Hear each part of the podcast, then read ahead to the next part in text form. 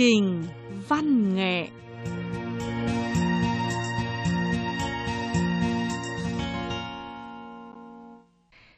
Các bạn thính giả và các bạn cư dân mạng thân mến, hoan nghênh quý vị và các bạn thưởng thức chương trình văn nghệ cuối tuần trên sóng đài phát thanh quốc tế Trung Quốc. Hôm nay, Ngọc Ánh xin mời Nam Dương đến gặp gỡ các bạn và cùng Ngọc Ánh dẫn chương trình. Xin mời Nam Dương. Xin chào quý vị và các bạn thính giả. Tôi là Nam Dương. Rất vui mừng lại được gặp gỡ các bạn trong chương trình vâng văn nghệ cuối tuần hôm nay.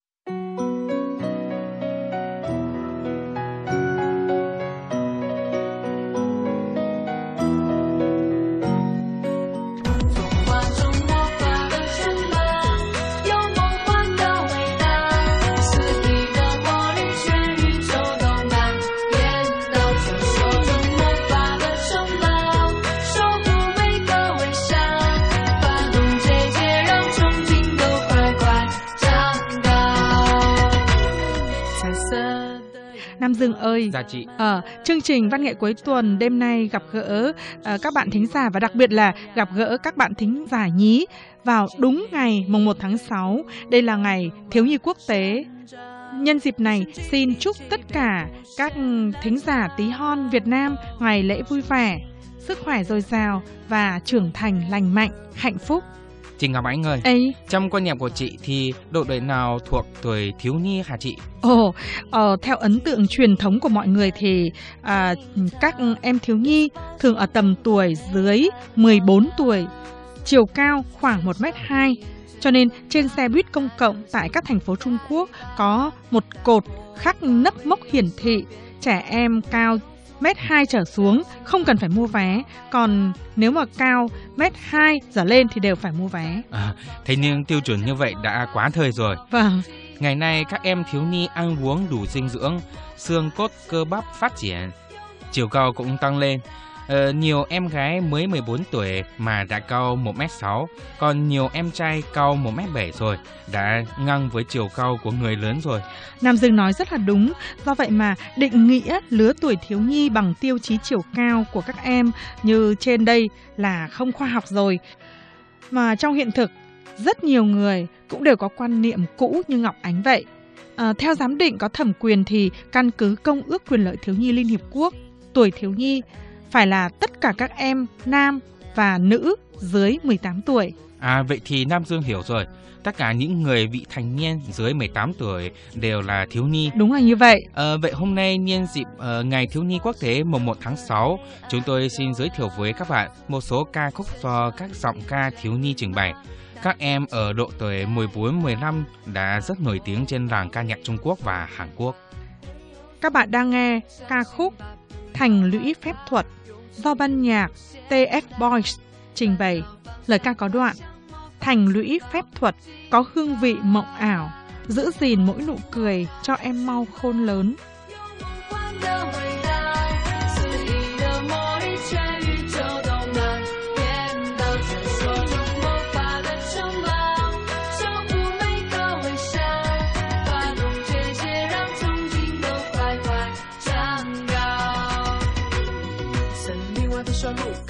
漫步，我和漫天的元素在街上漫步。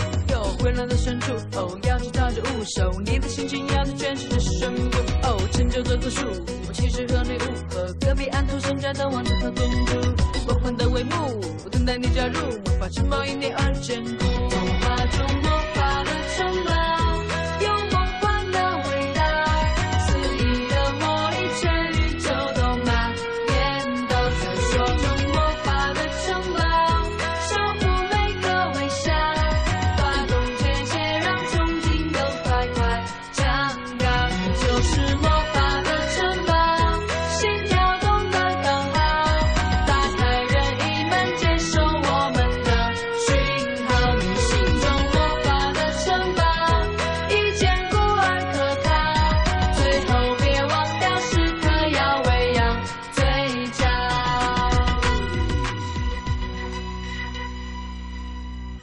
Thưa các bạn, ban nhạc TF Boys là một ban nhạc nhỏ tuổi nhất ở Trung Quốc hiện nay. Ban nhạc này gồm ba thành viên nam nhỏ tuổi nhất, giỏi hát, giỏi múa, đang rất hot, rất đáng yêu trên làng ca nhạc Trung Quốc. Vâng, Ban nhạc TF Boys có nghĩa là thiếu niên phấn đấu. Trường ban nhạc là cậu bé có tên là Vương Tuấn Khải đến từ thành phố Trùng Khánh. Tuấn Khải sinh tháng 9 năm 1999, chưa đầy 15 tuổi mà chiều cao của em đã 1m73 rồi. Tuy còn ít tuổi, nhưng Tuấn Khải đã tài ba hơn người. Năm 2011, Khải đã tham gia tuyển chọn và lọt ngay vào nhóm nhạc TF. Năm 12 tuổi, Tuấn Khải đã bắt đầu phát hành tập album đầu tay của mình. Đến 13 tuổi, Tuấn Khải liền hát lại rất nhiều ca khúc đi cùng năm tháng, được đông đảo cư dân mạng yêu thích và được mọi người chia sẻ, truyền phát rộng rãi trên mạng. Vâng, à, các em đã nổi tiếng ngay từ thời niên thiếu. Một thành viên khác của ban nhạc TF Boys là Vương Nguyên, sinh vào tháng 11 năm 2000. Nguyên chưa đầy 14 tuổi, vậy mà em đã cao 1m65 rồi. Thế nhưng em đã là một giọng nhí nam kỳ cựu trên sân khấu rồi đấy. Đầu năm 2012, Vương Nguyên hơn 11 tuổi đã được tuyển vào nhóm nhạc TS. Mùa hè năm đó, Vương Nguyên và Vương Tuấn Khải cùng trình bày bài hát có tên là Một bạn sống mùa hè, một bạn giống mùa đông. Đoạn video bài hát này vừa được tải lên trang mạng mới có 2 tháng mà đã có tới hơn 5 triệu lượt người điểm kích đón xem trong cộng đồng cư dân mạng. Các bạn đang nghe bài hát xuất phát từ tình thương do ban nhạc TF Boys trình bày.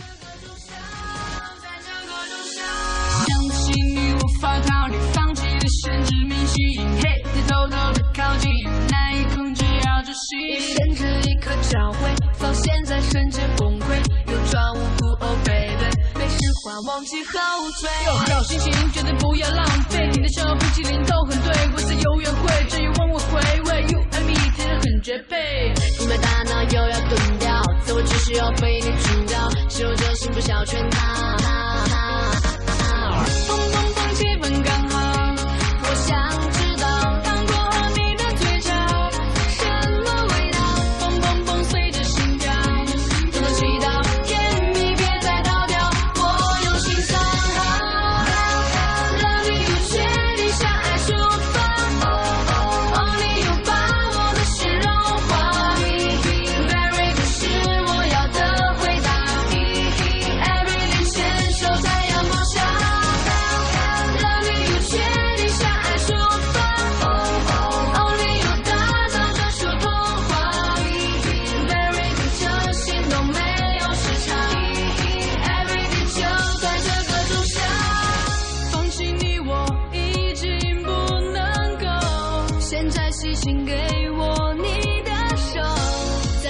用下为你。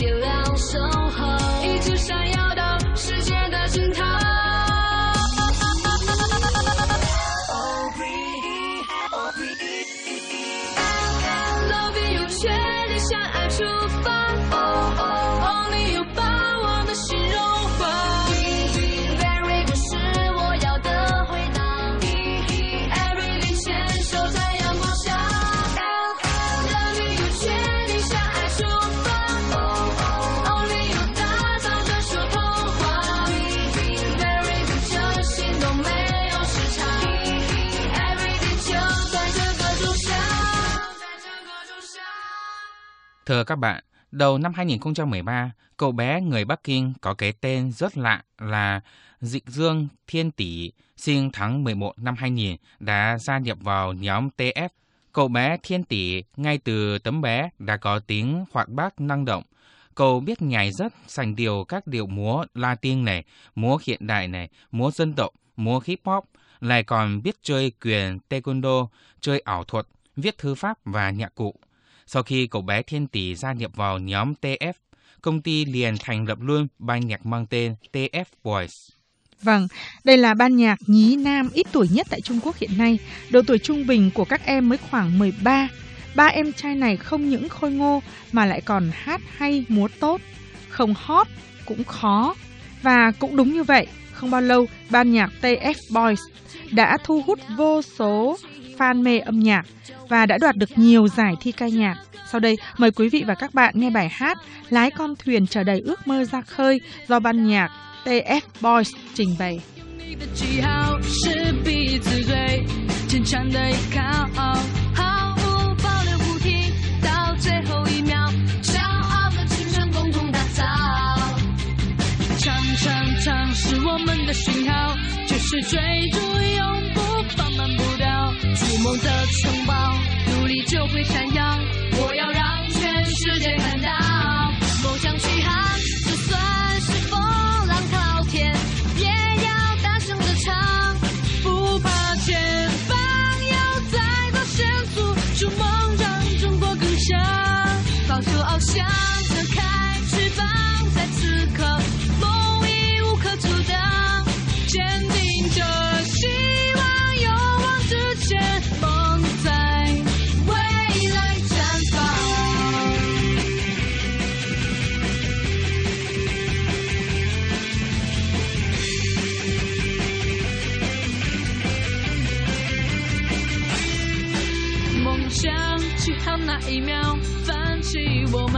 久违的心跳。这个骄傲时刻，脸上微笑，绽放，要让全世界知道。一路有你的记号，是彼此最坚强的依靠。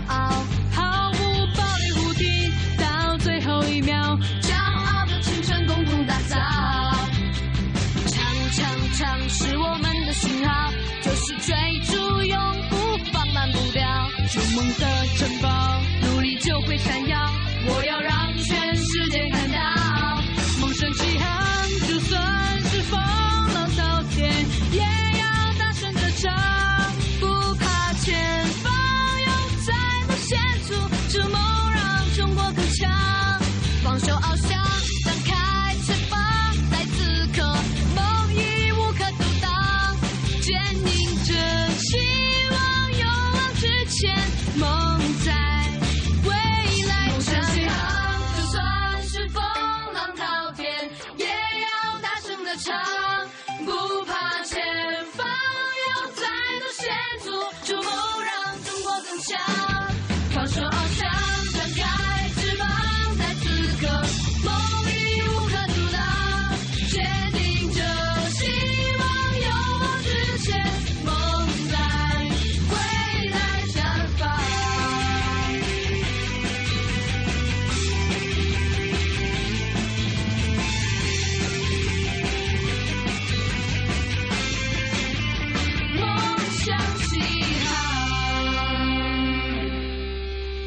Các bạn thân mến, sau khi nghe ba ca khúc do ban nhạc nhí nam TF Boys trình bày, phải chăng các bạn cũng cảm thấy tuổi thơ của ban nhạc này đáng yêu biết bao?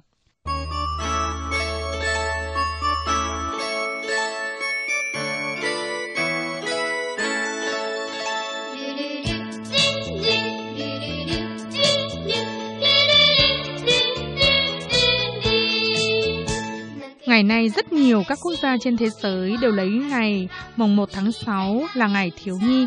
Do vậy mà cái ngày này đã trở thành ngày thiếu nhi quốc tế thực thụ, được nhiều nước, trong đó có Trung Quốc và cả Việt Nam chấp nhận.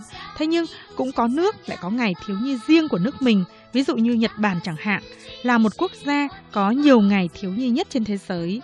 Hàng năm, họ chào mừng những ba lần ngày thiếu nhi của nước mình và hình thức chào mừng cũng có ý nghĩa riêng mang đậm bản sắc phong tục của Nhật Bản. Vâng, ngày thiếu nhi thứ nhất là vào ngày 3 tháng 3 hàng năm. Đây là ngày bé gái Nhật Bản, ngày lễ truyền thống dành riêng cho các em bé gái. Cứ đến ngày 3 tháng 3 hàng năm, gia đình nào có bé gái thì cha mẹ bé liền đặt một chiếc bàn, trên đó trưng bày sẵn bộ trang phục dân tộc kimono và búp bê cho bé. Đây là món quà cha mẹ dành cho bé gái. Ngày lễ thiếu nhi thứ hai của Nhật Bản đó là ngày lễ con trai, diễn ra vào ngày 5 tháng 5 hàng năm. Cứ đến ngày này thì gia đình nào có con trai, bao giờ trước cửa cũng treo chiếc cờ cá chép tượng trưng cho con trai phải như con cá chép nhảy long môn vậy. Trong quan niệm của người Nhật Bản thì cá chép tượng trưng cho sức mạnh và dũng khí. Ngày lễ thiếu nhi thứ ba gọi là ngày lễ thất ngũ tam diễn ra vào ngày 25 tháng 11. Theo phong tục của người Nhật Bản, các cháu bé ở vào 3 tuổi, 5 tuổi và 7 tuổi được coi là độ tuổi may mắn nhất. Cho nên cứ vào ngày này hàng năm, cha mẹ các cháu lại tổ chức hoạt động náo nhiệt để chúc mừng con cái mình.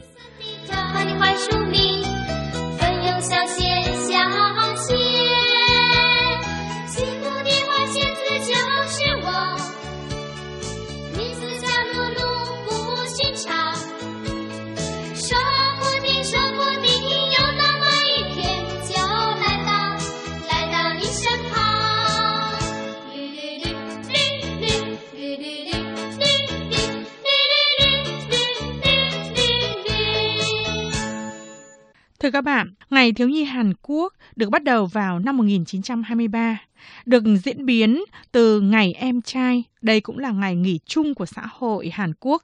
Cứ đến ngày 5 tháng 5 hàng năm, các cháu thiếu nhi nam và nữ cứ việc mà tha hồ vui chơi, cha mẹ đã chuẩn bị sẵn những món quà mà con cái mình mong ước. Rất nhiều các cháu đã mặc trang phục dân tộc vào ngày thiếu nhi này để chào mừng và để thể nghiệm nền văn hóa dân tộc của Hàn Quốc. Vâng.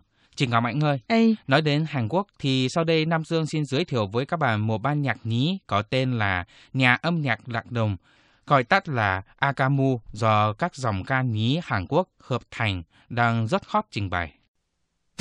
Why baby? 뭐가 문제야 baby? Hey,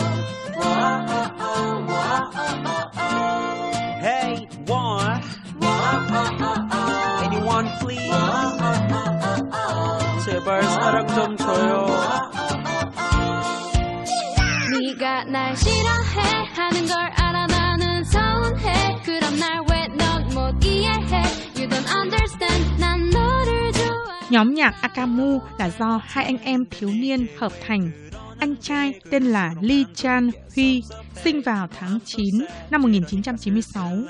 Còn em gái tên là Lee Su Hin, sinh vào tháng 5 năm 1999. Năm nay vừa tròn 15 tuổi. Những bài hát do hai anh em này cùng trình bày đều là do anh trai Lee Chan Hin sáng tác cả nhạc lẫn lời. Tháng 4 năm 2013, trong cuộc thi đợt hai chương trình tuyển tài năng âm nhạc mang tên K-pop Star do đài truyền hình SBS tổ chức với ưu thế sáng tác nguyên xưa và có chất giọng độc đáo. Hai anh em ban nhạc Akamu đã thu hút sự chú ý của ban giám khảo và các khán thính giả, cuối cùng đã giành giải nhất tại cuộc thi này. Hai anh em còn ít tuổi này quả là tuyệt vời bởi vì khi hai anh em lên nhận thưởng giải nhất thì cô em gái Lee Soo Hyun còn chưa đầy 14 tuổi. Đúng vậy, ban nhạc hai anh em Akamu này quả là tài giỏi. Đây chính là điều kiện để hai anh em giành được thành tích tuyệt vời như vậy. Khi tham gia cuộc thi ca nhạc truyền hình K-pop Star 2, người anh trai Lê Trang Huynh 16 tuổi, em gái mới 13 tuổi.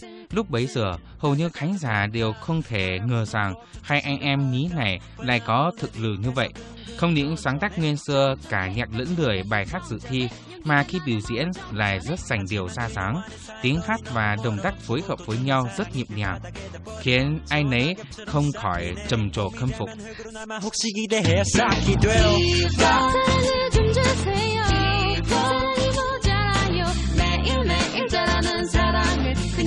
그녀에게 주는데도 받질 않으니 사랑을 좀 주세요. 사랑이 모자라요. 매일매일 자라는 사랑을 그녀에게 주는데도 받질 않으니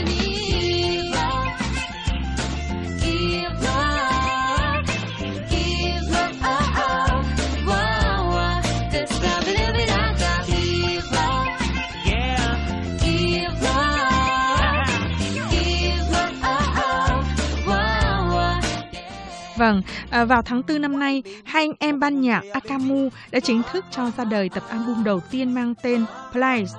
Những bài hát nằm trong tập album này đơn giản nhưng mới mẻ, tràn đầy tình yêu cuộc sống. Đặc biệt là chất giọng của em gái Lisa Queen trong sáng có sức hút mạnh, có thể thích hợp trình bày những bài hát mang giai điệu phong cách khác nhau, cho nên rất được công chúng hoan nghênh.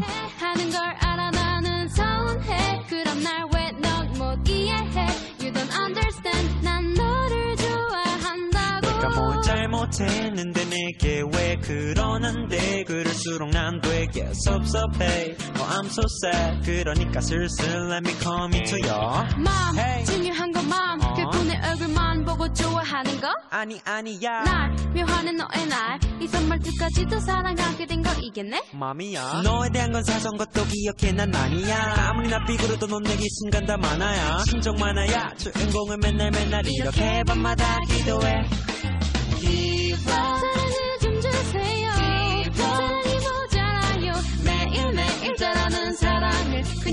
주는데도 받질 않으니. 디바 사랑을 좀 주세요. 사랑이 모자라요. 매일매일 자라는 사랑을 그녀에게 주는데도 받질 않으니. 디바 디바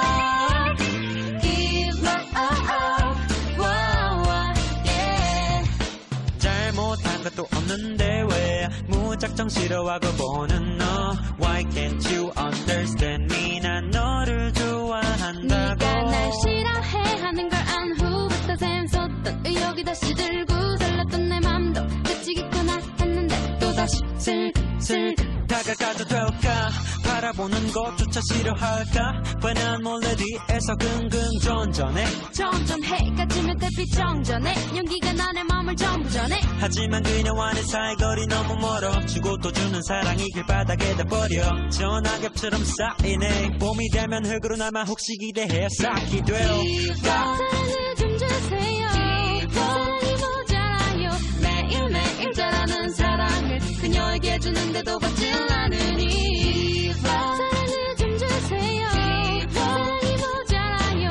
매일매일 자라는 사랑을 그녀에게 주는데도 받질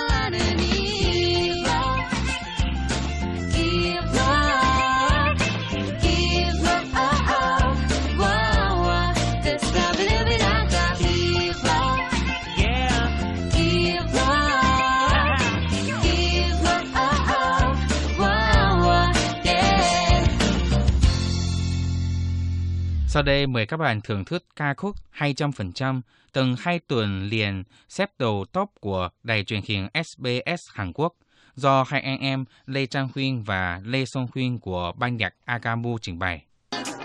날 버려봐 버려봐 버려봐 너를 본 내 마음속에 사랑해 내 본능이 고백 빨리 하라 해내 주위를 둘러싼 수많은 경쟁자 Yes I'm a soldier for you 스윗 멘트 장전 발사기 전에 작은들이 불었나? Yes 완전 간장 공장 공장장 이곳 간 공장장. Yeah ready. 아침이 깨는 소리 morning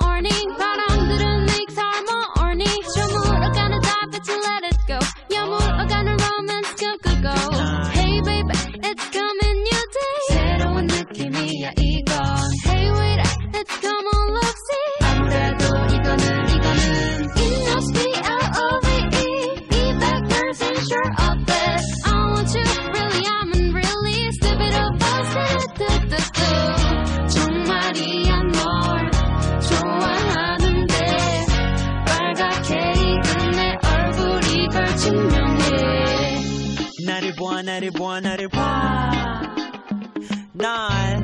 para para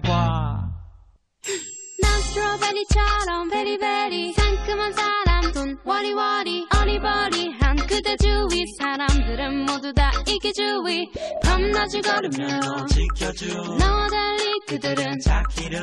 다시 하지만 배드가 잊혀다가 일어나 잠꼬대로 돈을 찾네. 아침이 깨는 소리 morning 바람들은 make harmony 저물어가는 달빛은 let it go. 여물어가는 romance 꿈꾸고. Hello 어디 가는 거니 I'll be there 네가 있는 그 거리. 아직 우리 사이 서먹해도 그래도 try는 해봐야지 나라도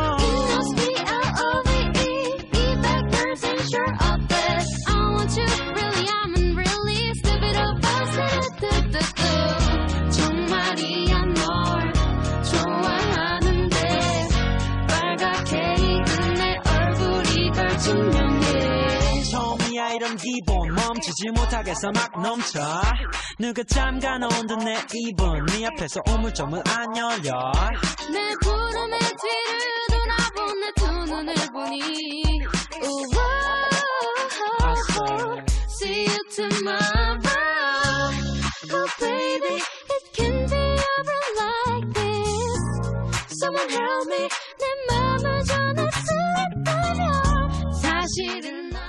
bạn thân mến, trên đây chúng tôi vừa giới thiệu với các bạn hai ban nhạc nhí của Trung Quốc và Hàn Quốc đang rất hot trên làng ca nhạc hai nước nhân dịp Ngày Thiếu nhi Quốc tế mùng 1 tháng 6 và coi đây là món quà tinh thần tặng các em trong ngày lễ vui vẻ này. Một lần nữa, xin chúc các em ngày lễ vui vẻ, trưởng thành lành mạnh. Cảm ơn các bạn vừa quan tâm theo dõi chương trình Văn nghệ cuối tuần trên sóng đài phát thanh quốc tế Trung Quốc. Hoan nghênh các bạn tiếp tục theo dõi trên mạng vào tuần sau. Cảm ơn các bạn và hẹn gặp lại các bạn vào giờ này tuần tới.